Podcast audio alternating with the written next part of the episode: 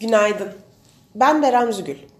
28 Aralık 2021 tarihli haber başlıkları ve piyasa bültenini paylaşacağım. Hazine ve Maliye Bakanı Nebati 20 Aralık gecesi kamunun döviz satıp satmadığına ilişkin soruya kimse devreye girmedi yanıtını verdi.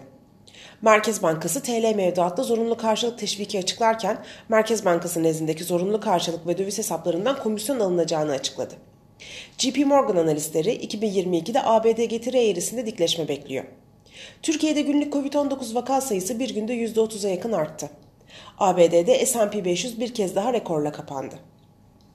Piyasalara genel olarak bakacak olursak, pay piyasalarında Borsa İstanbul'da güçlü kar satışları sonrası tepki yükselişi eğilimi ve gün içinde dalgalı seyir devam ediyor. TL'deki değer kaybı güçlü yükseliş gerçekleştiren hisselerde satış baskısına neden olabileceği gibi bankacılık endeksinde relatif olarak güçlenmeye devam ettirebilir.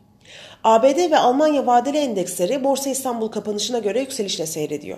Asya borsalarında alıcılı bir seyir var. Teknik analiz verilerine bakacak olursak gün içinde 1849 ve altına gerileme trade amaçlı alım fırsatı, 1978 ve üzerine yükseliş ise satış fırsatı olarak takip edilebilir. Viyop tarafında ise gün içi long pozisyonlar için 2094, short pozisyonlar için 2138 seviyeleri zarar kes olarak izlenebilir. Borsa İstanbul'un ve endeks kontratının güne alıcılı başlamasını bekliyoruz. Kazançlı günler dileriz.